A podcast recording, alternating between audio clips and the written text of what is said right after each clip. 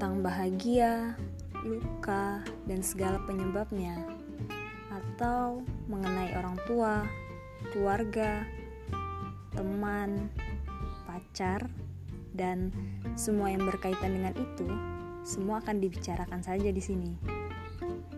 Bicarakan saja, walau mungkin itu hanya remehan yang dilewatkan banyak orang. Namanya juga bicarakan saja.